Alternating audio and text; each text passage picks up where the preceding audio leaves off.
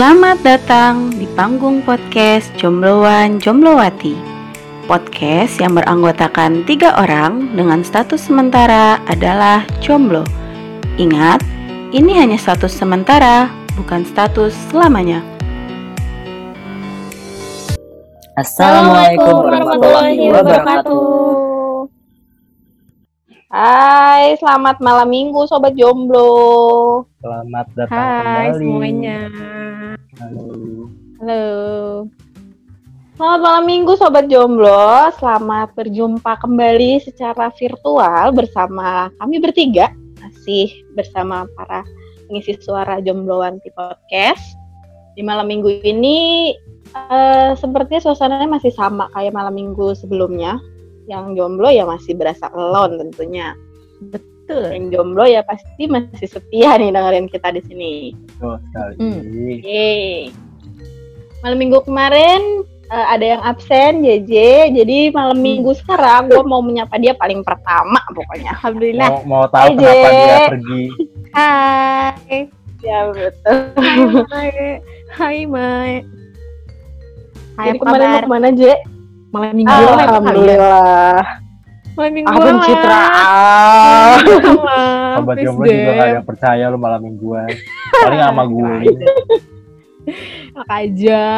Kok gak percaya sih malam mingguan gua? Gue kira lu kemarin lamaran tuh. Aduh, amin ya Allah. Kok amin? Wah, Eh, Jalan beneran nih. Minggu depan kondangan jalan-jalan nih kita. aduh. Bisa sekali. Berangkatlah kita ke Padang. Wow. Oh jauh ya. Oke. Eh, gimana eh, aktivitas lu sudah mendingan sehingga bisa Ya. bergabung lagi di sini? Aktivitas gua sekarang nggak tahu kenapa jadi makin sepi dah. Jadi kayak eh, eh, ya pekerjaan semakin berkurang, nggak tahu kenapa. Ya gitulah. Jadi makin tidak makin terasa tidak produktif gua. Hmm, jadi kesannya kayak makin monoton ya, udah mana nggak boleh keluar rumah gitu kan? Terus kerjaan gue juga ternyata makin lama bukannya makin banyak tapi makin dikit. Nggak, gue nggak tahu ini harus sesuatu yang gue syukuri apa gue harus sesali gitu ya. Sesali aja, karena kan eh, duit lu berdasarkan kerjaan lu, makin banyak makin banyak sih, duitnya. iya sih bener juga. Dan juga kamu. Kamu apa kabar Yeay. Mai? Ya ilah kamu. Gue malah sa- satu kali absen jadi kamu kamu. Jadi, eh, Mai apa kabar? Alhamdulillah gue baik. Alhamdulillah. Hati? Aduh, Eh, langsung aja, Bams apa kabar? Pertanyaan yang selalu di skip. Gak mau yang tidak bisa gue jawab itu, jadi langsung aja. eh, Oke, skip ya JJ, mohon maaf lahir dan batin. Bams apa kabar? Alhamdulillah, baik, baik. Alhamdulillah. Aman kan ya kemarin kita habis rekaman gitu? Aman. Ya nggak tahu sih kalau JJ ya, kalau kita berdua sih tentunya aman. Oke. Nah, berhubung kemarin kita sudah eh, membicarakan dunia lain, sekarang kita kembali ke dunia nyata, dunia kita, Ke dunia tanpa dimensi-dimensi yang lain, yaitu yang membuat pusing kepala ya. Hmm.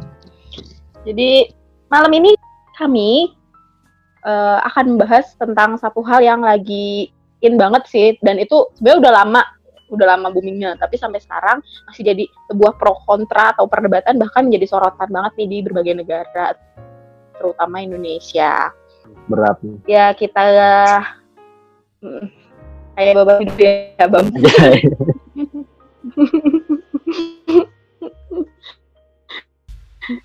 Jadi kita akan membahas tentang bullying ini. Dan pasti kita semua secara sadar atau tidak sadar sebenarnya pernah merasakan atau bahkan pernah melakukan tindakan lain Hmm. gitu. Yap. Disengaja atau tidak. Iya benar banget. Nah, eh, belum lama ini kita dengar-dengar di sosial media, kita dengar-dengar di Tokti kalau misalkan lagi ada eh, tentang satu daerah Indonesia di mana ada seorang penjual jalan kote itu mengalami fenomena bullying, yaitu dia sampai didorong-dorong, di ya Yang ke sawah. melakukan tidak baik gitu. Dijorokin ya gitu bener banget ya. Gue dijorokin karena dia termasuk Ya. golongan yang miskin ya. Sementara yang para pembulinya yang ngakunya orang kaya katanya. katanya orang kaya ya tapi ya gitu jadi ya gue juga nggak tahu itu eh, apa latar belakangnya sampai melakukan begitu gitu masa cuma gara-gara hanya si miskin dan si kaya di zaman sekarang gitu loh nggak open minded banget tapi kan mungkin karena pencil kali ya Cuman juga bisa karena Jadi- dia kan ber- bukan sendirian kan yang ada kayak empat orang atau lima orang gitu segeng Ya. gitu. Kayak dia merasa gitu. superior, Eh, superior jadi ada pas buat ada yang lewat mungkin si dia lewat udah deh kena sasaran rasa supaya dia punya Bener-bener. power Eh, terus juga dunia hiburan Indonesia kayak ya nggak nggak cuma satu atau dua kayak telegram artis-artis baru atau pendatang segala pokoknya yang berkecimpung di dunia hiburan mereka hanya berkarya menghibur ya dengan karyanya mereka dengan versinya mereka sendiri tapi dianggap sebelah mata gitu ya mulut Iya. netizen memang luar biasa Pedes gitu banget. kan ya Lebih pedes dari cadangnya. ya bener banget apalagi kalau misalkan ibu-ibu jadi netizen lengkap Lengkap banget itu udah. Tuh. pedesnya double coy anaknya Jangan terlalu lawan, kurus di lawan. komen anaknya terlalu Hmm. gemuk di komen Iya benar. badannya agak bergelapnya sedikit di komen Hmm. anaknya dikasih makan apa di komen ya Hmm. Allah apa- Jerawat muncul satu aja ya kan di dalam hidung aja nggak kelihatan di komen. iya bener banget itu kita aja kadang nggak sadar itu ada jerawat di situ gitu kan ya Betul. Ibu-ibu kurang kerjaan tuh. Yang kita nih kayaknya Bagi di ini netizen semua nih yang barusan ngomong. bener-bener cara nggak langsung kita juga barusan sudah menjadi netizennya para ibu-ibu jadi kita netizen dari netizen luar biasa ya kita Bibirnya double netizen, netizennya Iya netizen. wadidaw. Eh, itu juga menurut gue ya kalau misalkan memang kalian nggak suka karyanya ya lebih baik kalian nggak usah nonton gitu kalau menurut gue ya daripada kalian harus nonton hanya untuk Iya. kalian hujat hanya untuk kalian pandang Cuman, sebelah mata gitu kan kadang bingung orang nge-follow artis, nge-follow seseorang, tapi tujuannya buat hate speech mulu. Buat apa lu follow kalau lu nggak suka? Bener banget Entah entah dia iri karena dia nggak bisa kayak gitu, atau memang hobinya dia aja yang nyela-nyela orang-orang. Kayaknya nggak puas gitu kalau sehari Nggak nyela ya. orang. mungkin emang udah kebutuhan hidup kali ya kalau nggak nyala lapar gitu ya. pingsan. Hmm, kejang-kejang gitu Orang saha orang. ya untungnya kita bukan artis ya gengs. Kalau artis? Ya kalau artis ya kayaknya lebih banyak hatersnya daripada fansnya Jadi dari 100 ribu follower kayaknya yang benar-benar follower cuma 100 deh. iya sisanya haters gitu.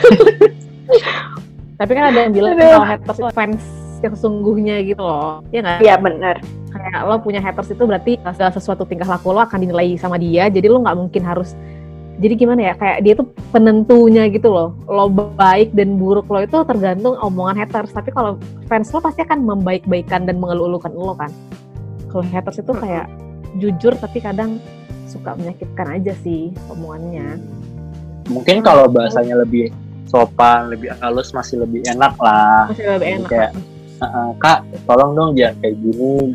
Soalnya udah gini gini gini gini kan jadi lebih enak. Gimana? Iya. Eh lu Iya. ya udah gini, udah gini gini gini jelek lagi kan. Gimana Iya. gitu rasanya? jomblo lagi ya Jomblo, hidup lagi. Miskin. ini habis pada ngeliatin kaca apa gimana curhat mulu tapi gue ada satu hal nih yang menarik nih Eh, kalian juga pasti udah tahu ya ya, tentang suatu negara di mana negara luar Indonesia Hmm. negara tersebut tuh eh, bener-bener kayak menjadikan penampilan itu suatu tolak ukur nomor eh, satu ya kesuksesan keberhasilan kayak bener-bener ya itu bener-bener sampai harus diperhatikan detailnya gitu sampai-sampai kalau kalian itu misalkan gendut, obes atau segala macam itu kalian kena denda di negara tersebut. Hmm. Kalian Hmm. pasti tahu ya. Kayak- Kayaknya kalau kita ke sana langsung denda mulu deh, kelihatan miskin. antara Iya, kita apalagi- apa kita tertekan gitu kayak aduh gimana ceritanya gue harus kurus gue harus kurus gue harus kurus biar gak denda karena kalau denda mulu gue skin gitu kan Ya. Atau opsi lain kita ganti ke warga negaraan, pindah langsung. Iya, pindah.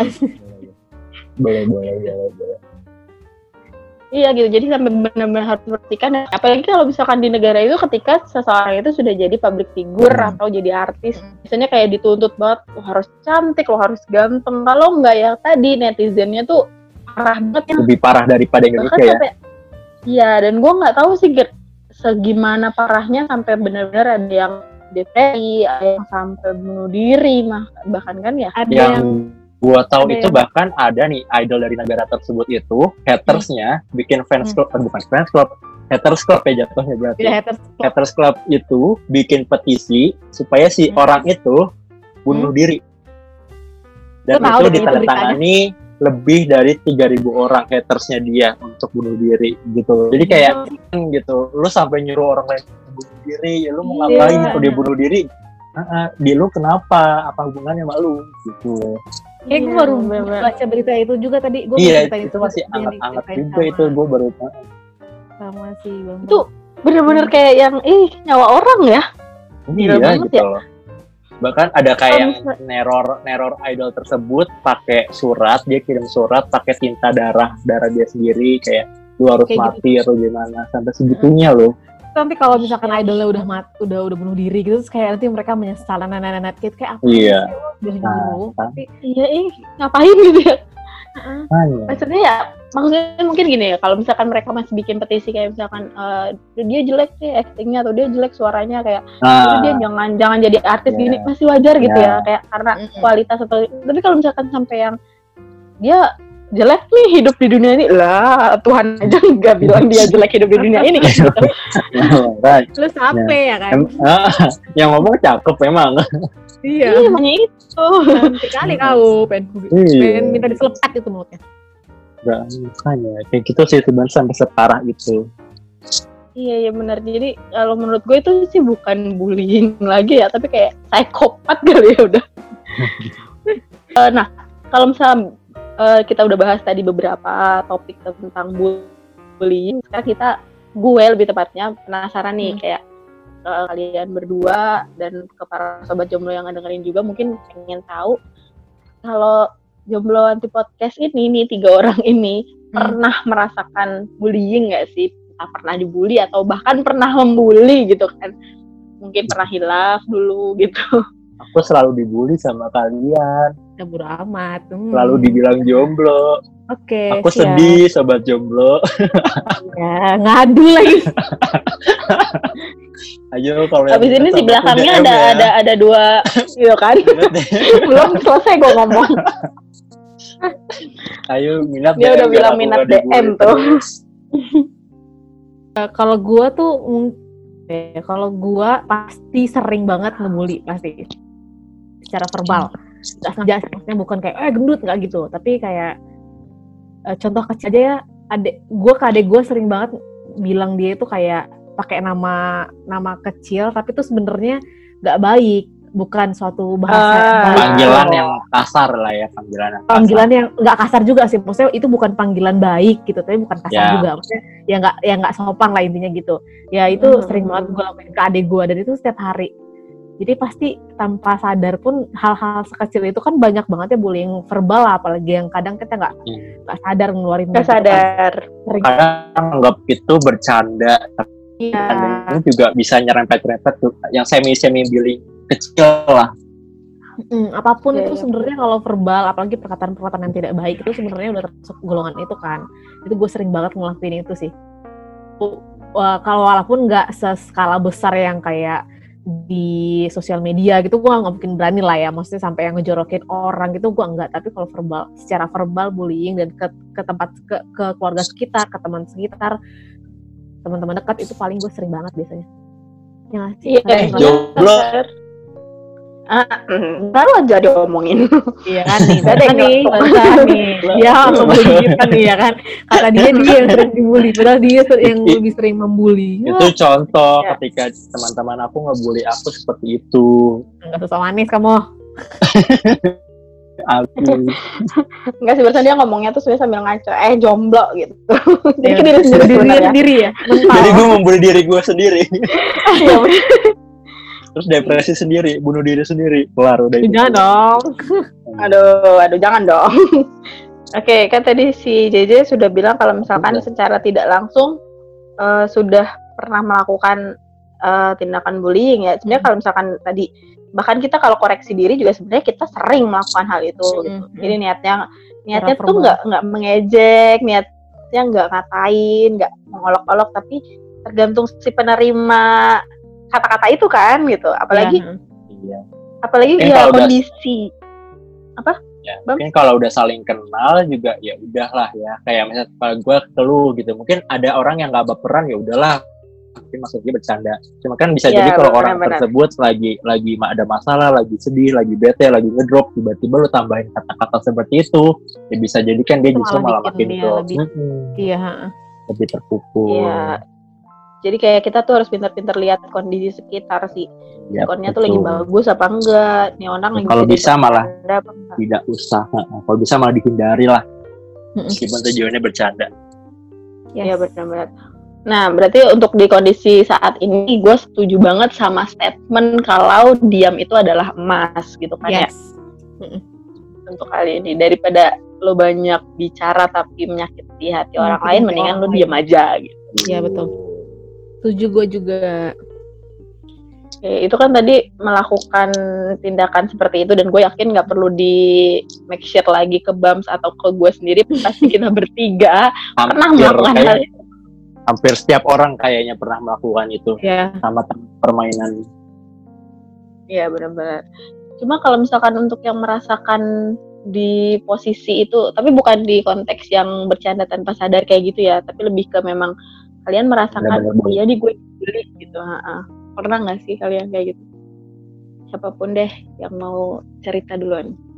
Ini beneran konteksnya gue dijorokin, Iya. maksudnya dibully gitu ya? ya maksudnya nggak harus dijorokin lebih verbal Iya, tapi ah, beneran iya, maksudnya ben- lebih ya lebih dari sekedar lah gitu bercandaan ya. lah Eh, bukan Iya, ya, jadi ya. kayak memang lo tahu itu Bukan bukan bercanda, bercandaan. bukan bercanda. Iya. Oke. gue ingat gue kayaknya gue nggak pernah Alhamdulillah kalau gitu ya. karena teman-teman gue itu biasanya ngebully gue dalam keadaan memang lagi bercanda gue tuh emang gue kalau di kerumunan orang ya kayak misalkan di satu kelompok kelompok pertemanan gue gue emang selalu objek untuk dibully tapi dalam keadaan bercanda jadi kalau untuk yang lebih dari Hmm. bercanda gue nggak pernah itu kan kalau sama uh, circle pertemanan lu yang deket nih. Kalau Mm, misalkan sama yang luar circle pertemanan lu nggak pernah ya itu karena mungkin JJ emang nggak punya teman lain di luar circle pertemanan itu makanya dia nggak pernah dibully. Iya iya. Betul betul betul. Karena gue tipe orang ya yang udah. dari gitu-gituan sih. Jadi kayak mending ya nggak ya gue nggak mau ada terjadi perbincangan perbincangan hangat tentang diri gue di belakang sana atau gimana gitu ya. Gue menghindari itu. Gue takut banget tahu gak tau kenapa kayak gue takut banget ada di posisi dikatain gitu. Hmm, jadi lo Tapi daripada itu mendingan mending gak, mending gak usah ada di circle mereka-mereka yang sering bikin kayak gitu gitu Oke. jadi gue lebih menghindar Oke, oke, oke. Jadi eh, dalam misalnya lu udah lu udah tahu nih kalau oh mereka nggak cocok nih sama gue, jadi lu mendingan gak usah Mm. temenan sama mereka gitu ya. Daripada mm-mm, lu temenan tapi ujung-ujungnya ribut. Ya, ya. Kalau lu Bam? Hmm, kalau gua ya bisa dibilang gua adalah salah satu korban bullying pada masa itu di masa kecil sih. Oh. Jadi masa-masa gua itu kapan ya? Harusnya sih mulai SD. Ya di awal tiga tahun pertama SD lah, tiga tahun empat tahun pertama SD tuh gua rasa bahwa gua sebagai korban bully pada saat itu. Gitu. Contoh. contoh yang pernah Jadi- lu terima ya sebenarnya kan ya secara fisik gitu gue kan punya sesuatu ketidaksempurnaan lah di fisik gue yang tentunya juga kalian berdua bisa lihat itulah gitu Hmm, hmm. nah Hmm. pad- ya kan namanya pada saat itu kan masih anak-anak gitu ya jadi kayak ada yang berbeda dari fisikku itu Hmm. jadi sesuatu yang daya bakal tarik terus dilihatin gitu daya ya tarik buat sendiri teman-teman. gitu Hmm. Mm-mm. jadi apalagi mereka mereka yang asing gitu apa mereka kayak nggak belum pernah lihat gue pada saat rasa kayak "Uh, Hmm. Siapa nih? Langsung aja gitu. Jadi kayak Mm-mm. dari tatap matanya dari ketika mereka ngomongin di belakang bisik-bisik dan tahu itu mereka lagi ngomongin gue itu jadi kayak salah satu tipe bullying yang sebenarnya mereka nggak nggak langsung ke gue tapi nyakitin juga pada akhirnya gitu. Jadi Hmm. kalau boleh gue jelasin lebih detail gue dulu kan eh, SD SD swasta SD TK TK swasta Mm-mm. Yalah TK mana TK negeri. Emang ada TK TK negeri? TK gue di TK, TK Islam pada saat itu. Akhirnya abis itu kan masuk ke SD, gue SD negeri. Cuman Hmm. pada saat itu gue cuman kuat satu bulan di SD negeri itu, pas kelas 1. Satu bulan Nah, satu bulan doang. Gara-gara- Karena, Gara-gara itu. iya gara-gara karena ya sekelas gue, bukan teman sekelas, sama teman satu sekolah banyak yang tidak bisa menerima itu lah ibaratnya. Banyak yang merhatiin Oke. segala macam gitu. Akhirnya nggak lama gue pindah ke SD swasta, SD Islam juga. Hmm. gitu di Hmm. situ lumayan lah jadi orang-orangnya mungkin lebih lebih tolerir sama perbedaan Hmm. gitu nggak tahu ya mungkin karena gue nggak mau menjadikan karena lingkungan tinggal mereka sih jadi Ya, begitu ya, ya. gue masuk ke SD Islam jadi mungkin lingkungan perumahannya lingkungan keluarganya juga baik ya alhamdulillah mereka tidak pernah mempermasalahkan itu pada Hmm. awalnya sampai dengan gue lulus gitu jadi ada Hmm. kecil gitu mungkin satu dua orang ada cuman tapi yang minoritas yang lainnya justru nggak peduli Hmm. tuh Iya iya iya benar. Hidup hidup hidup lo ya. Masing-masing ya aja, udah gitu. kita berteman selama ya memang kita nyambung kan sama Iya. kita bisa diajak main ya udah Iya, nggak perlu benar. peduli yang macam-macam gitu Hmm, ya ada satu lagi nih jadi ada yang lumayan membuat gua tertekan Hmm. Mhm. jadi gue pernah waktu itu ikut bimbel bimbel di Hmm. salah satu lembaga lah muridnya itu Hmm. cuma ada 10 jadi Satu pada kelas. saat itu satu kelas gitu Hmm. nah di saat itu ada satu, satu orang laki-laki masuk bareng gua ya pokoknya Hmm. satu kelompok lah satu kelompok satu laki-laki yang dari awal pertama kali kita masuk kelas sampai minggu depannya lagi minggu depannya lagi minggu depannya lagi itu selalu ngeliatin gua dari jauh. Bukan nggak sini sih tapi lebih kayak orang tipikalnya penasaran gitu. Wah, jangan-jangan dia gay. nah, Allah Akbar tuh masih kelas 3 SD ibu. Oh, SD. penasaran itu penasaran yang kayak eh apa ya? Menghakimi atau kayak cuman ngeliatin gini doang kayak ngeliatinnya tuh eh, penasaran tapi kayak kosong aja gitu loh. Kan ada ya tetapan tuh kayak Penasaran orang nggak? tahu Apa tapi ya, kayak penasaran kosong kayak aja mau gitu loh. nyaplok gitu loh kayak mau nyaplok. Bayang Keren banget. gimana sih? Penasaran kayak mau nyaplok tuh gimana ya ngejelasinnya? Penasaran tapi kayak ada apa ya? Kayak ada Kayak rasa kayak ada nguntit gitu. gitu nggak? nggak menguntit juga sih. Ibaratnya kayak lu lu lagi pergi ke mall pergi ke suatu bagian lu ngelihat satu Mhm. Satu item di kotak kacain gitu tapi Mhm. bawaannya kayak Oh. lu pengen banget megang pengen banget ngelihat isi dalamnya gitu ya Iya, pengen ngeliatin inci demi inci, pengen nyentuh barangnya kayak gitu loh. Jadi perasaan gemes Hmm. kayak Nah, gue pengen pengen melihat enggak bisa sama enggak ya. Ya itulah semacam itu enggak kayak apa kayak pengen megang gitu ya pokoknya intinya ah, pengen Iya, iya. grab Perhatiin gitu kan. tuh berhatiin lebih detail kayak gitu semacam itu gitu dan sampai pada satu ketika dia melakukan sesuatu yang menurut gue itu cukup parah ya nggak tahu lah lebih mungkin agak jatuhnya pelecehan versi yang lebih kecil lah tapi menurut menurut gue sekarang ya saat ini gue berpandangan bahwa saat itu ya jatuhnya itu udah pelecehan gitu Mhm. Kayak lu. Heeh. gitu Oh. ya gue nggak perlu ngejelasin ke- case-nya Hmm. seperti apa ya cuman dia melakukan Hmm, sesuatu hmm, yang cukup membuat gue kayak bergidik lah ya gitu lu ngapain sih ngelakuin ini gitu gitu Hmm. jadi kayak kayak gitu sih jadi kayak ada ada tipe-tipe orang yang memang mungkin tolerir sama perbedaan sama kekurangan tapi banyak juga yang mereka menganggap itu sesuatu yang asing baru unik dan mereka lebih penasaran ada juga tipe yang suka menjudge mencaci maki Ya. Dengan perkataan-perkataan kasar ya nah jadi Iya iya jadi panjang banget Serem juga ya? gitu. Nah, ya tapi itu beneran serem sih maksudnya dalam Iya, konteks gue tuh emang eh, bener nggak nggak pernah ngerasain kayak gitu kan.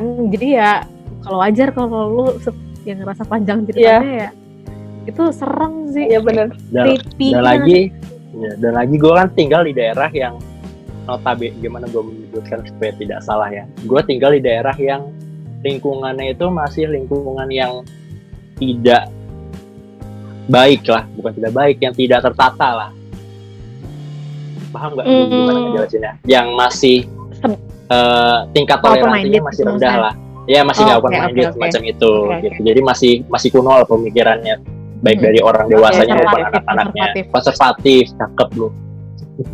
Nah, Eh, dari situ ya ibaratnya awal-awal kan gue juga sebagai pendatang kan ke sini gitu jadi Hmm. kayak waktu itu gue baru setahun Hmm. dua tahun gitu dan gue berusaha pada saat itu namanya anak kecil kan berusaha cari temen gitu nah lingkungan gue tuh ternyata tidak bersahabat pada saat itu tuh nggak banyak yang mau temenan sama gue di, di rumah ini ya di daerah rumah gue Hmm. nggak banyak yang mau temenan sama gue yang parah adalah kayak ketika lu jumatan ketika lu sholat taraweh gitu Hmm. kan kan itu pasti bakal banyak barisan anak-anak tuh. Anak-anak kan dikumpulin Hmm. tuh barisannya Iya ya, satu Lu barisan bayangin kan. dong, Heeh, satu barisan dong. Bayangin aja pada saat itu gua di sini ada jadi nggak ada yang mau deketan sama gua. Jadi ada dua sak kosong gitu loh. Dua dua dua Lo di empat tengah-tengah kosong. gitu terus ya eh, misalkan gua di tengah. jadi kayak dia ada Hmm. dia ngejarakin gua dia nggak mau nempel. Makanya gua kalau Oh jumatan atau my tarawih God. pasti gabung sama orang dewasa supaya ya udah gitu. Jadi ya, awal-awal sih gue sempat nggak mau jumatan dan taraweh karena Hmm. ya kayak mereka bahkan justru mencontohkan memben- mencontohkan bentuk kekurangan gue deh ibaratnya. Mempraktekkan lah Ah, kekurangan gua. Iya, heeh. mem- memvisualisasikan gitu ya? Yes. Nah, jadi kayak eh dia begini loh gitu misalkan. Hmm, jadi kayak iya, bener-bener iya, iya, dipraktekin sama dia. Nah itu sih yang bikin Iya, misalnya kan lumayan- misalkan kayak dia gendut tapi dia jangan kayak membusungkan perutnya Iya, perutnya gitu kan atau gimana. mulut digede-gedein ya semacam itulah. Iya, iya itu sih yang. Beberapa kasus yang cukup masih gue ingat bahkan sampai detik ini Oke oke oke. Eh, bisa dikategorikan kayak jomplang banget sih karena tadi kita dengar dari JJ yang nggak ada apa-apa gitu kan ya. Tiba-tiba dengar dari Bams yang wow luar Ekstrim biasa banget, banget itu gitu. sih menurut gua. Untuk kalangan teman-teman Ya. iya kayak itu ekstrim sih.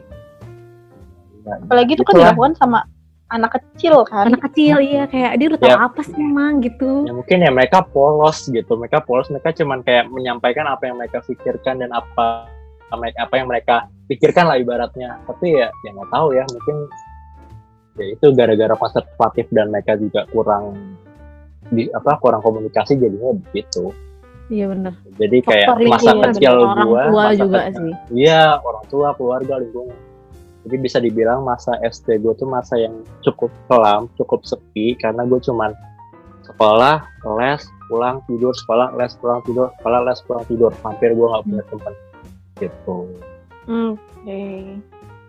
Iya iya. Jadi kan kalau misalkan eh, dulu nih ketika zamannya ya zaman kita waktu masih kecil itu kan kayak paling cuma eh, nggak boleh ikut main gitu kan ya kayak Hmm. misalkan Mhm. Iya, lu Ih, kamu nggak boleh ikut main dia, gitu, gitu. heeh. Eh, paling gitu kan ya tapi kalau misalkan menurut gue ini udah oh, udah luar biasa banget gitu anak kecil karena biasanya kalau kamu nggak boleh ikut main tapi nanti biasanya eh, ya udah kamu boleh ikut main tapi aku pinjam Tapi, ini ya, kalau nggak heeh. jajan ya Aku yang, jadi iniannya gitu kan. Heeh. Iya, ya benar. Jadi ada ada seseorang yang memang kayak kepala suku gitu kan, Iya, kayak heeh. ketua gengnya gitu. Eh, benar-benar. Tapi kalau misalkan untuk yang BAMS, eh, dia mungkin teman-teman di rumah juga bisa menilai sendiri ya kalau itu udah keterlaluan sih kayak ya lu udah bikin hidup orang, hidup seorang anak kecil. Untungnya BAMS itu bertahan sampai dewasa gitu kan. Nggak Kalau dia nggak- bertahan kita nggak akan bikin podcast. Iya bener. Oke, eh, itu kalau dari JJ sama dari Bams mungkin kalau gue lu? pribadi, nah kalau gue pribadi tuh gue eh, ya di antara kalian sih maksudnya, kayak di antara kalian. Iya, Ya, orang gua- banget di antara kita. Ya jadi kayak misalkan dibilang ekstrim banget enggak, tapi dibilang nggak ada apa-apa juga enggak gitu. Kalau Hmm. gue dulu ketika gue masih umur sekitar ya TK gitulah, masih umur-umur Kecil, segitu, masih kecil banget. Iya, itu gue eh dulu masih ya girly ala cewek-cewek anak TK gitu kan ya. Maksudnya ya centil-centil anak TK gitulah, main-main nyanyi-nyanyi gitu-gitu misalnya segala macam. Nah, eh, itu dulu gue itu tipe tipe yang cengeng. Jadi Hmm. kalau misalkan gue dile bercandain, diledekin kayak kamu gak boleh ikut main atau kayak eh, tempat makan gue, tapi tempat makan kosong nggak ada makanannya kayak tempat makan gue ditendang, diumpetin gitu segala macam. Itu gue pasti nangis gitu. Hmm. Setiap hari Hmm. hampir setiap hari gue selalu pulang ke sekolah dalam keadaan gue nangis gitu Hmm. Nah, sampai suatu hari bokap gue bilang kalau misalkan ini sih yang melahirkan sebenarnya eh, kalau dipikir-pikir ngapain juga dibalas tapi ya itu yang bikin gue kuat gitu jadi ketika itu bokap gue bilang kalau kamunya nggak nakal duluan nggak apa-apa bales gitu maksudnya nggak apa-apa ngelawan yang penting kamu Nah. jangan mulai duluan gitu Iya. nah, sejak saat itu membela diri gitu ya. Iya bener banget dan sejak saat itu ya mental berontak gue akhirnya malah jadi keluar gitu malah jadi terbentuk jadi kalau misalkan ada yang ngatain gue gue tabok gitu jadi ada yang Buset, kayak gue gak banget.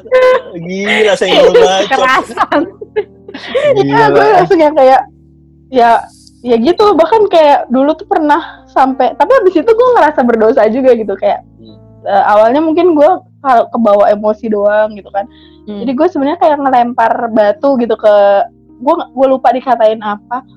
Gue ngelempar batu gitu. Tapi Allahu Akbar. gue mau ngelempar batu itu sadis. Hmm. kenanya itu eh, pas di deket pelipis ini. Allah Akbar. Kan? Malah Akhirnya- orang lain. Kayaknya bapak lu Nggak, nyesel deh kasih petuah itu. Iya mungkin kayak kok jadi lanang malah gitu kan. gitu. Jadi eh, ya udah eh, ketika itu ya gue abis itu ya gue ber, ber emang dididik untuk yang berjiwa besar ya gue minta maaf gitu gue minta maaf dan Hmm. menjelaskan kronologinya seperti apa gitu jadi dia yang bandel Hmm. bla bla bla segala macam ya akhirnya jelas gitu kan cuma mulai dari saat itu ya eh gue jadi malah sering temenan sama cewek itu kalau gue temenan sama komplotan cewek gue jadi yang melindungi mereka Suka kayak lo jadi gua. gitu ya. Iya jadi kayak misalkan Apa lu maju Itu tuh. iya bener. Itu tuh, disuruh yang- uh, Maya nih dorong-dorong ke depan. Iya. gue Kalau ada siapa Mae dorong nih, hadap sini Mae, ada preman Mae, ada siapa Mae, ada anjing Mae. serem banget gitu jadi eh, nah kalau gue berada di lingkungan yang para cowok-cowok itu justru gue kayak temennya mereka malah gitu Iya. Tapi nggak dilindungi sebagai seorang Iya, cewek cewek karena mereka ngerasa Karena lu udah "Oh, laki, iya, lu sendiri." udah maco. iya jadi kayak tem ya udah lo tuh lo sama aja kayak teman-teman gue main lainnya gitu Iya. Nah, itu berlangsung sih gue sampai eh, SD dan ya maksudnya karena kekebalan ya kekebalan gitu karena imunitas. eh, karena gue nya udah kebal. udah kebal sama hal-hal itu jadi kayak gue cuek dengan sendirinya termasuk Hmm. sama bulian yang verbal gitu jadi gue Hmm. pernah banget itu eh, ketika itu gila gue bandel banget dulu ya gue dikatain gue lupa dikatain apa itu dia dikatain dan lewat kaca jendela ngatainnya jadi dia udah ngatain udah ngata-ngatain sebelumnya pas gue masuk kelas dia masih ngata-ngatain juga dan itu pintu Hmm. kelas tutup dia lewat jendela tuh ngata-ngatain sambil pasang muka ngejek banget gitu Iya. Itu gitu-gitu ya. itu benar-benar gua tonjok kacanya loh Allah, dan itu pecah. pecah Innalillahi. Dan- dan gua kan eh, kan? agak takut eh, un- kan untungnya kenanya tuh nggak nggak benar-benar kena muka sih jadi kayak misalkan dia kaget jadi dia mundur gitu jadi nggak luka Oh. Hmm. yang luka tangan gue nah Ya, Eh, ya, kan gue- lu habis. gue so jagoan tapi gue takut darah jadi kayak gue nggak akan merasa sakit kalau gue nggak ngeliat darah. Hmm. pas itu eh gue udah nonjok terus temen gue bilang eh Maya tangannya berdarah. Itu gue langsung nangis. Gitu. Jadi abis nonjok gue nangis gitu. Jadi lu yang nangis. iya makanya. Akhirnya akhirnya gue dihukum dong sama guru. Dihukum suruh ganti kaca jendela itu. Yang udah gue pecahin. Itu kelas 6 SD kalau nggak salah itu. Barbar juga ya, ya- Barbar iya apalagi gue dari apalagi gue dari kelas 4 sampai kelas 6 SD itu gue ikut eh, kayak semacam ekskul anak SD gitu ikutnya pencak silat dong ya udah kayak Oh. makin diasah gue dia makin nonjok. Hmm. Untung kaki orang gak dipatahin sama lu. aduh belum belum berani belum berani Belum berani nanti beratalan. Wow. Berani dong. Hati-hati, Ge. Kita korban selanjutnya. Ini pokoknya kita Waduh. jangan dekat-dekat kaca, kita jangan yang membahayakan nyawa kita ketika ngumpul sama Maila pokoknya. iya enggak dong. Aku sekarang kan udah jadi cewek tolen udah jadi kalem. Baik. gitu. Jadi eh, ya perlahan sih perlahan ya itu gue berubah ya makin dewasa kan ya makin ngerti harus gimana. Itu nah jadi karena gue terdidik yang ker- keras begitu gue ngerasa kalau bulian-bulian itu kayak ya udah nggak mempan aja di gue padahal kalau misalkan gue pikir-pikir di, se- di saat sekarang ya gue mungkin akan ngerasain hal yang sama kayak Bams cuma bedanya kalau eh, Bams itu kan emang bener-bener berasa dan emang moodnya Iya. dia mood yang saat itu perasa gitu kan. Hmm. makanya dia bener-bener kena gitu di dianya kalau gue kan dulu guanya cuek guanya galak jadi nggak berasa gitu cuma kalau di- dilihat ya sama aja kayak mereka itu me- menilai kita dari fisik kayak eh, karena memang gue kan eh, gempal kayak apa sih Gemes-gemes adonan kue apa kembang gitu Gumus, gumus, gumus. gitu.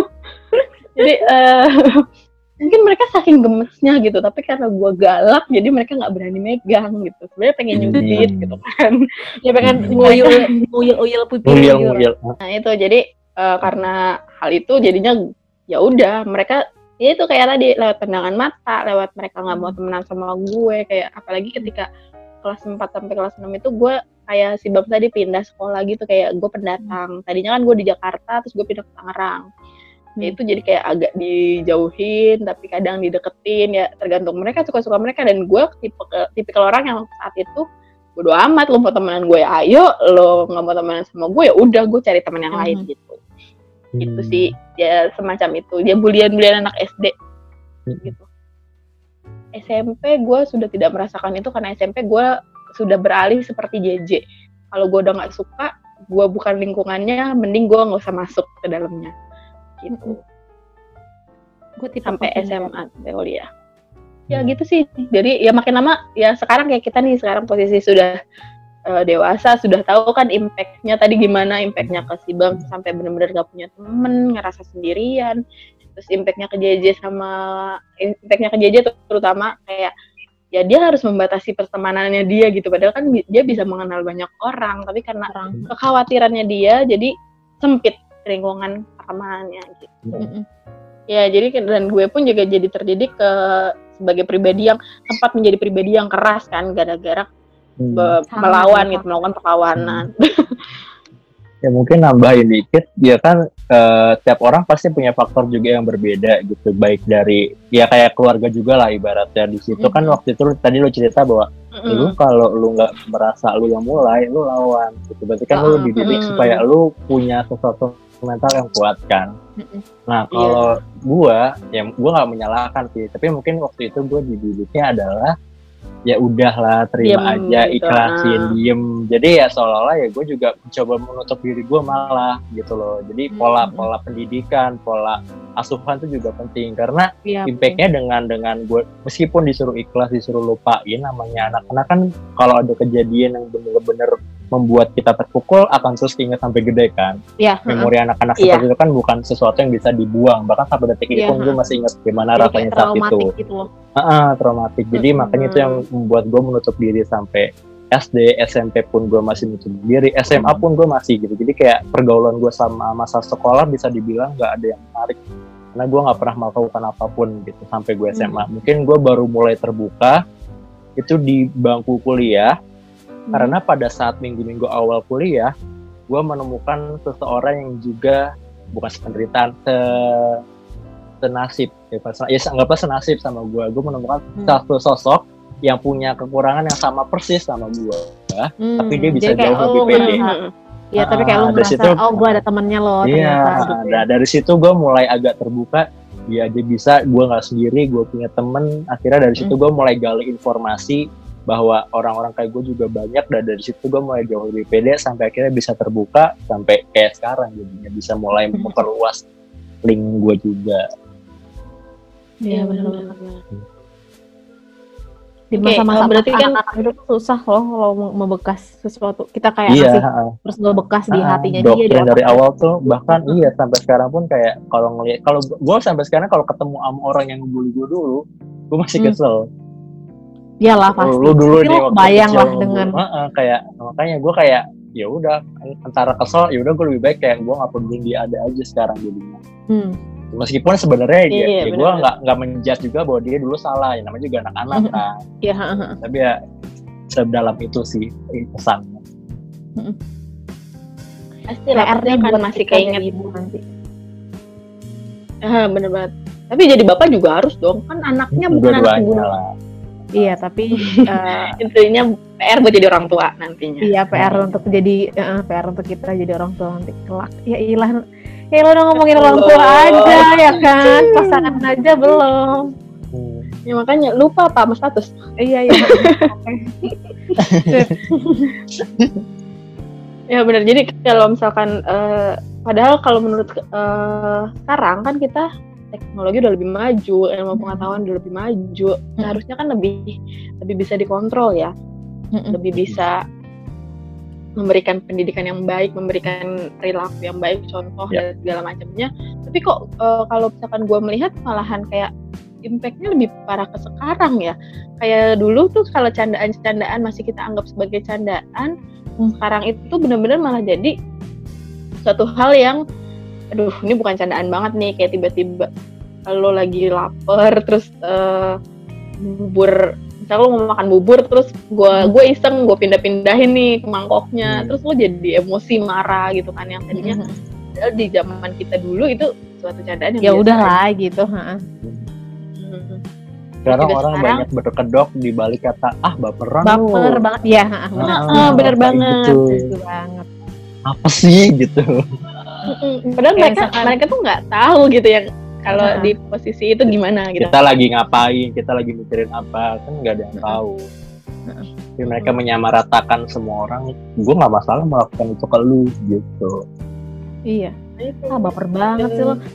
Dan dia udah tahu misalkan dia menyinggung perasaan orang lain tapi dia nggak mau minta maaf jadinya Iya. ya, dia adalah ih baper banget gitu doang gitu. Eh, bukannya bukannya menyadari kesalahannya gitu kan dengan minta maaf, tapi malah makin makin jadi gitu. Iya. Apaan sih gitu doang baper banget. Ah, kata temenan sama lu gitu kan misalnya. iya Tapi kayak udah tahu dia salah, kondisinya salah tapi bukan dia minta maaf malah menjadi. iya itu dia berkedok di balik kata baper Jadi eh, ya gitu mungkin entah gimana ya harus seperti apa lagi karena itu kan impactnya nggak bagus banget ya. Bener bullying itu bentuknya meskipun mau verbal, Verbal, atau perbuatan. verbal itu impactnya tuh nggak bagus banget apalagi untuk eh, seimbangan mental seseorang gitu. Sampai ada yang depresi atau sampai bunuh diri kan itu ya ampun. Kita tuh sama aja kayak buang nyawa orang sia-sia Iya, gitu. membunuh secara tidak langsung ibaratnya lah. Mulutmu hari Iya bener banget. Wow. Wow Masa lu praktekin juga bunyinya. nah, tadi kita udah udah impactnya dan udah terselip kayak cara-caranya gitu. Nah, Hmm. tadi kan kita juga udah dari gue mungkin caranya saat itu adalah dengan membela. jadi em, jadi kayak lebih keras daripada sebelumnya terus kalau si Bams jadi lebih ya udahlah gitu kayak lebih ikhlas Legowo. Gowo, Nah, ikhlas hmm. ikhlas. kalau JJ lebih ke ya udah gue menghindari pertemanan yang kayak Iya. gitu gitu kan tapi Daripada itu di kondisi yang sekarang pasti kan pemikiran kita sudah jauh berbeda seperti zaman Ya. dulu. Hmm. Sekarang gimana sih kalau kalian berada di suatu kondisi entah di sekitar kalian ada perilaku bullying atau gimana caranya kalian ketika mungkin tiba-tiba masih ada ternyata yang ngebully kalian nih saat ini gitu. Hmm. Kalian menyikapinya gimana? Oh, gue santet tuh orang. Waduh. Ada bully saya, dukung bertindak. Udah gitu sekarang ada Iya. santet online lagi kan. nah itu makanya. Gue kasih aja fotonya. ya ampun. Mungkin JJ ada ide duluan atau Mae? Kalau Hmm. gua nggak kebayang sih. Kalau gua sekarang nih ya, detik ini nih, detik ini tiba-tiba ada yang ngebully gua, kalau gua nggak kenal orangnya, mungkin gua akan diamin aja kayak siapa lu Pergi. gitu. Lo kan nggak kenal Hmm. gua gitu kan, maksudnya gitu. Kalau yang nggak yang bener-bener nggak kenal gua ya, itu akan gua di- diamin aja sih. Tapi kalau misalkan eh, seseorang yang berusaha untuk menjatuhkan, ya tinggal Mhm. lapor kan sekarang ada UU ITE. Bener juga. dikit-dikit lapor kayak selebgram Iya, eh, eh, walaupun sebenarnya gue nggak tahu itu laporan gue akan ditindak apa enggak ya kan? Lapor aja dulu dia gitu. Iya, lapor aja dulu. jadi minta maaf online iya makanya. Paling tapi ah, kalau iya, misalkan kayak lu melihat orang terdekat lu lah misalkan nyokap lu, bokap Mm-mm. lu, adek lu, teman-teman lu nah, dibully apa Mm. yang lu lakuin terhadap si pembuli ataupun si yang terbuli si pembuli kalau misalkan memang udah kelewatan batas, ya gue tetap lapor. Gak tau, maksudnya lapor itu eh, tergantung ya. Kalau misalkan antara gue lapor ke polisi atau gue pihak berwajib atau gue lapor ke orang ke keluarganya dia. oke Ah, oke. Kayak misalkan gue langsung ke keluarganya dia ya udah kayak eh, Iya datang ya ke keluarganya dia Ci. Iya. Iya. Aduh, ini mau bikin Jeje laporan bertindak. nih. ya maksud gue kalau misalkan lu udah kelewatan batas, kalau lu ke saudara ke keluarga gue gitu ya, terus keluarga gue kenapa-napa ya ya gue harus bertindak sesuatu yang tegas kan. Ya gue omongin lah ke Hmm. keluarganya dia gitu. Atau kalau misalkan tapi kalau misalkan dianya eh, melakukan hal itu tapi pokoknya sebisa mungkin tuh diomongin baik-baik lah ke keluarga. Jadi antar Hmm, antar, jadi jangan- antar kita dengan mereka gitu. Itu kalau gue ke pihak sananya. Tapi kalau ke pihak ke pihak yang tersakiti ya apa ya? Kalau misalkan sampai iya di sabar ya nak gitu. Enggak juga sih tergantung juga sih kalau misalkan memang sampai ke mental health-nya dia ya gue akan bawa lah bawa ke seseorang yang mungkin bisa membantu dia lebih dari gue tapi kalau misalkan cuma sekedar dia butuh didengar ya gue akan berusaha untuk berempati gue akan berusaha untuk jadi orang yang bisa mendengarkan semua cerita dia ya siapa tahu dengan mendengarkan cerita dia kan berkurang rasa sakit yang dia rasa asik. Ya benar-benar. Jadi setidaknya eh, ya gue nggak sendirian gitu kan. Heeh, Ada- jadi kayak gue menunjukkan seseorang kalau yang care. sendirian. iya heeh. Mm-mm. kayak empati itu Ya terhadap seseorang yang sedang merasakan itu tuh cukup cukup berimpact lah menurut gue Iya, bahkan kalau misalkan ada yang ngomong kayak gini, "Eh, sabar ya, nggak apa-apa kok. Kadang kan itu kayak sekedar jadi template ya Iya, untuk sekarang gitu. Tapi akan akan terasa beda kalau misalkan kita memang ngasih itu sebagai bentuk empati, Iya, bukan sekedar basa-basi Iya. gitu. Akan beda yang Akan dirasain sama gitu si penerima. hati heeh. Ah, ah, bener banget. Jadi ya akan kelihatan lah lo mau mau bilang kayak misalkan ah lu basa-basi doang, ya akan ketahuan Iya. itu basa-basi atau bener-bener empati. Gitu. Kalau lo Bams gimana? Em, masih masih berpikiran untuk nyantet? atau Ya. ada pikiran lain? lagi Ya, udah ada kalau beling dalam santet- perut kalau santet tidak berdosa mungkin gue sudah akan menyatet semua orang yang melakukan itu pada masanya kejam banget jadi kalau tiba-tiba ada yang pagi-pagi muntah beling ya mohon maaf ya itu dari saya Kalau kalau kuda lumbung ya. Jadi lu juga. makan beli itu makan Oh, beli itu makan beli, ceritanya bukan dia, dimuntahin. mati Heeh, dia cari mati dia yang makan dia yang muntahin suka suka lu dah kalau gua misalkan orang-orang terdekat misalkan pada akhirnya anak gua istri Hmm. gua alhamdulillah amin punya istri kenapa keluarga harus gua. Oke oke sip sip. Contohnya Nah, tuh kan anak istri ya kenapa nggak orang tua gitu loh? Sekarang atau adik atau itu. oke gue ulang. Oke. Kalau ada orang tua adik istri anak. Iya lanjut. Misalkan mereka terkena ya balik lagi yang pertama pasti bagaimana caranya lu bisa menguatkan hati mereka gitu bukan cuma Hmm. sekedar menyuruh kita untuk jauh lebih ikhlas tapi kayak Hmm, hmm. membuka pikiran lah membuka pikiran menghibur gitu bahwa Hmm. sebenarnya ya karena kita misalkan gue ada gue sebagai orang yang ada di sekitarnya kan lu nggak tahu gimana yang si yang terbuat itu rasain gitu Mm-mm. kita mudah aja untuk bilang bahwa eh, Udahlah, udah, gitu, misal. udah nggak usah dipikirin. Udah anggap aja itu nggak ada lawan aja lawan. Tapi kan kita nggak tahu efek psikologis dari yang Iya. terbuli itu seperti apa. Jadi ya sebisa mungkin menguatkan membesarkan hatinya memperluas wawasannya bahwa ya lu nggak sendiri gitu. Lu punya masih banyak yang juga punya yang hal yang sama. Mereka juga tetap berjuang mereka tetap bisa menikmati hidup balik lagi bahwa dia itu cuma sebagian kecil dari banyak orang yang jauh lebih baik dibandingkan si yang membuli itu sedikit gitu Mm-mm. sih Sama ini sih kalau gue tambahannya. Setelah kita menguatkan, kita juga mengajarkan kalau dia nggak boleh kayak gitu. Iya benar. mengajar itu tuh maksudnya gimana? Maksudnya nggak boleh membalas gitu. Ketika lo Ah, dijatuhkan, lo jangan jangan menjatuhkan Iya. orang lain gitu loh maksudnya. Iya, Jadi- Jangan jadi- melakukan hal yang jadi- sama. Heeh. Ya jadi kalau lu yang sama aja dulu nggak ada bedanya sama dia kan. Iya, ha Jadi ya lebih baik apa yang mereka eh, berikan ke lu jangan lu serap semuanya, lu ambil lu ambil rasa sakitnya aja. Jadi itu sebagai batu loncatan untuk lu lebih sukses.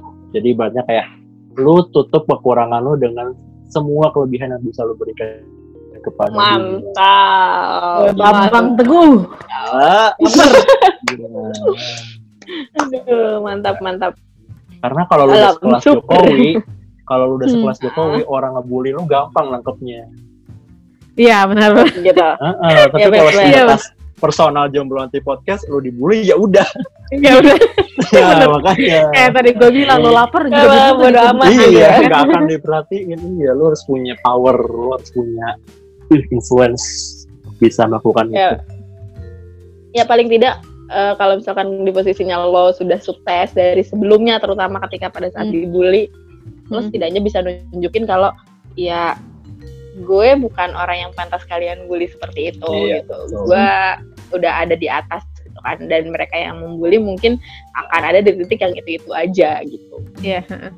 Nih gue nih sekarang nih jadi kayak bisa agak menyombongkan diri.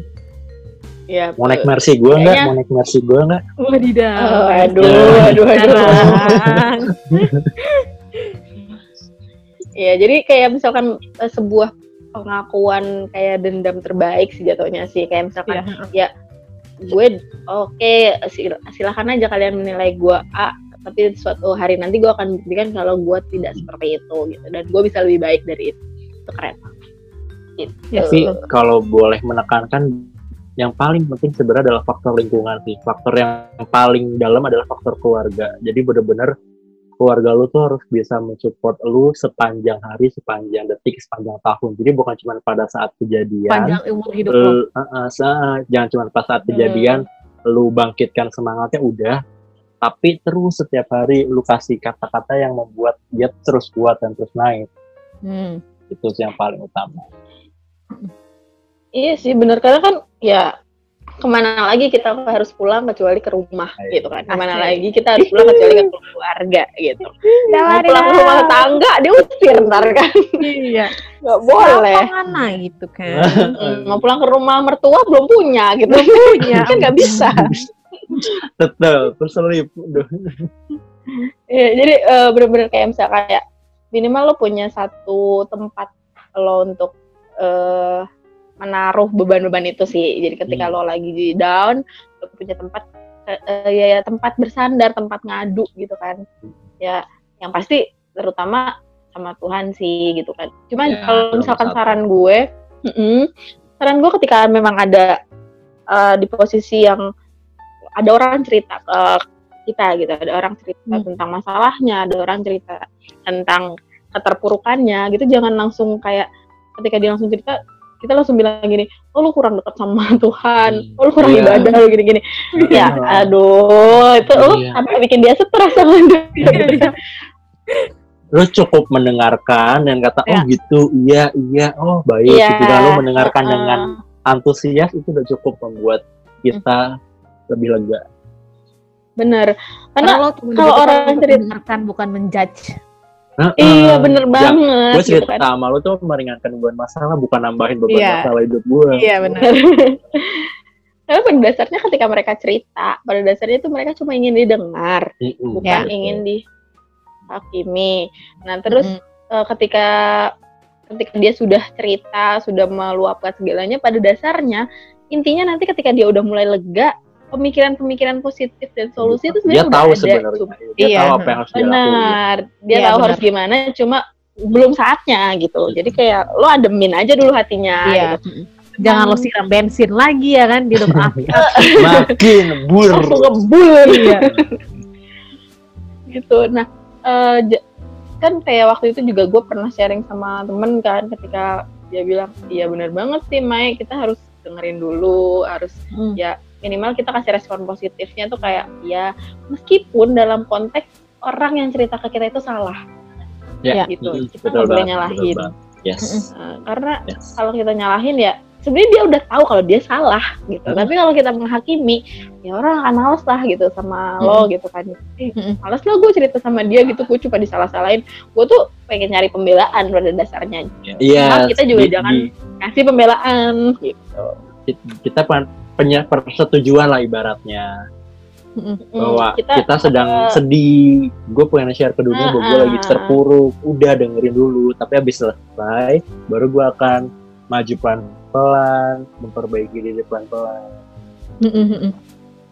Benar. ya jadi eh, lebih ke membawa ke suasana iya kita terima dulu kita terima dulu kalau misalnya kita lagi sedih kita terima dulu kalau kita lagi eh, tidak disukai kita terima dulu kita lagi berduka terima gitu karena ya nggak nggak mungkin hidup kita tuh bahagia Ya, mulu mulus. gitu kan Itu. yang cukupin Instagram tweet Instagram aja yang mulus ya hidup itu tidak seindah story di so, jadi kalau misalkan menurut gue atau menurut ya tadi dengan kesimpulan yang ada yang sudah tadi kita bicarakan tentang bullying sebenarnya tuh eh, ilmu pengetahuannya buku-bukunya info infonya itu udah banyak banget ya. Mbah Google tuh sudah memberikan segalanya gitu. Dengan gratis. kalian tuh harusnya nyarinya yang bagus-bagus.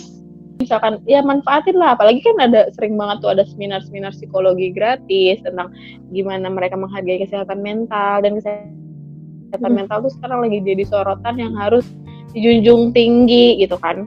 Hmm.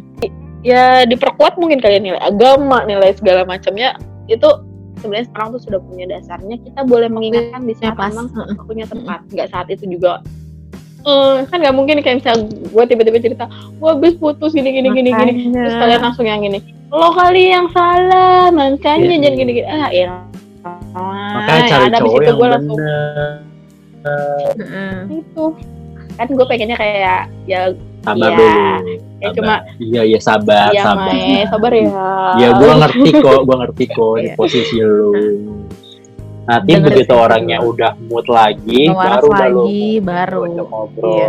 Hmm. bener jadi kayak eh, bicaranya itu bener-bener kayak berpendapat itu kita harus tahu tempat dan Yes. berbicara itu kita harus punya etika Ya betul, setuju banget gua sama Mai. Love Mai, love. eh lebih itu dia aja kasihan nggak ada yang love bambang Papa sobat jomblo yang manat deh. gitu sih Tuh.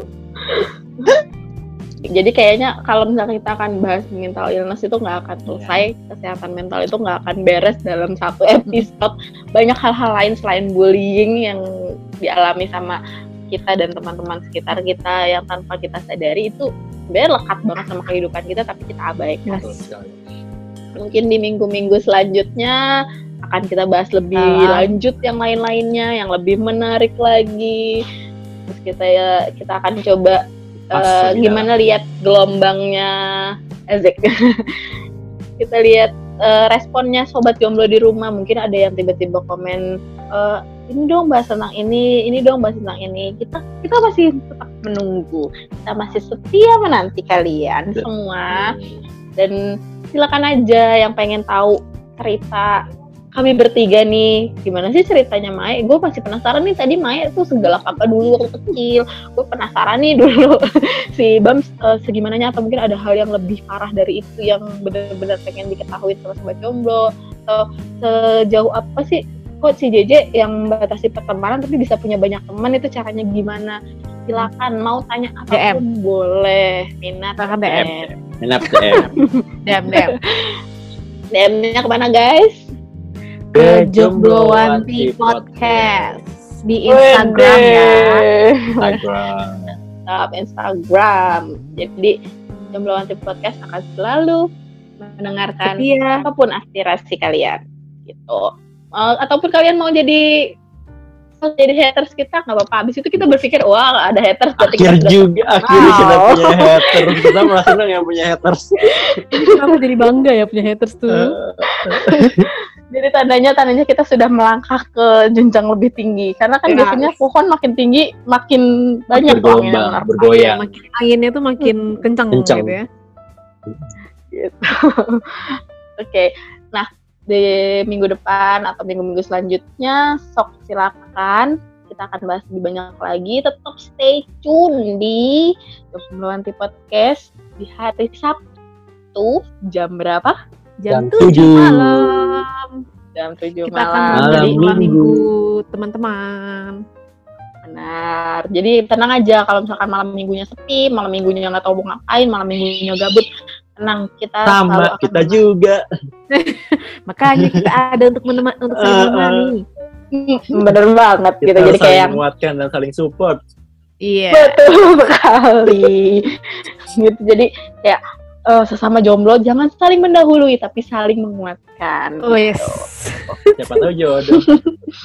Aduh. Nah, itu. Udah itu mah fix Bambang. Gitu. Oke. eh, kalau misalkan kita sudah bahas semuanya, kita sudah eh, memasuki waktu merenung lebih dalam di malam minggu ini. Jadi kita cukupkan saja sampai di sini. Selamat bermalam minggu untuk para sobat jomblo. minggu. Selamat menikmati Yes. malam minggunya kalian semua. Ya, mungkin ada yang masih kerja atau mungkin ada yang lagi habis ini mau janjian sama temen, bukan sama pacar. Iya, Silakan. Cuman ketemu di Tinder. Asik. So, aduh. boleh boleh mau ketemu di sosmed apa pun kali aja jodoh kan ya udah Ya, kalian tahu usaha aja dulu ya kan. Usah jauh-jauh DM aja dulu. Mm-mm, lagi Ayo, lagi. ya aja dulu. Oke, kalau gitu kita akhiri, kita tutup. Kami pamit undur diri. Yes. Gue Mae. Gue Bams. Dan gue JJ. Kami pamit undur Kita diri. undur Sampai jumpa. Assalamualaikum warahmatullahi Assalamualaikum wabarakatuh. warahmatullahi Dah. Selamat malam minggu. Bye bye. Stay Bye. kece. Selamat memperkuat diri. Tetap jaga jarak. Ya. Bye. Betul. Jaga, nah, jaga jarak tapi hatinya jangan berjarak. Aduh, duh, duh, duh, duh, duh, duh. Cukup jaga hati juga ya. Duh, duh, Asik. duh, duh, duh. Yuk.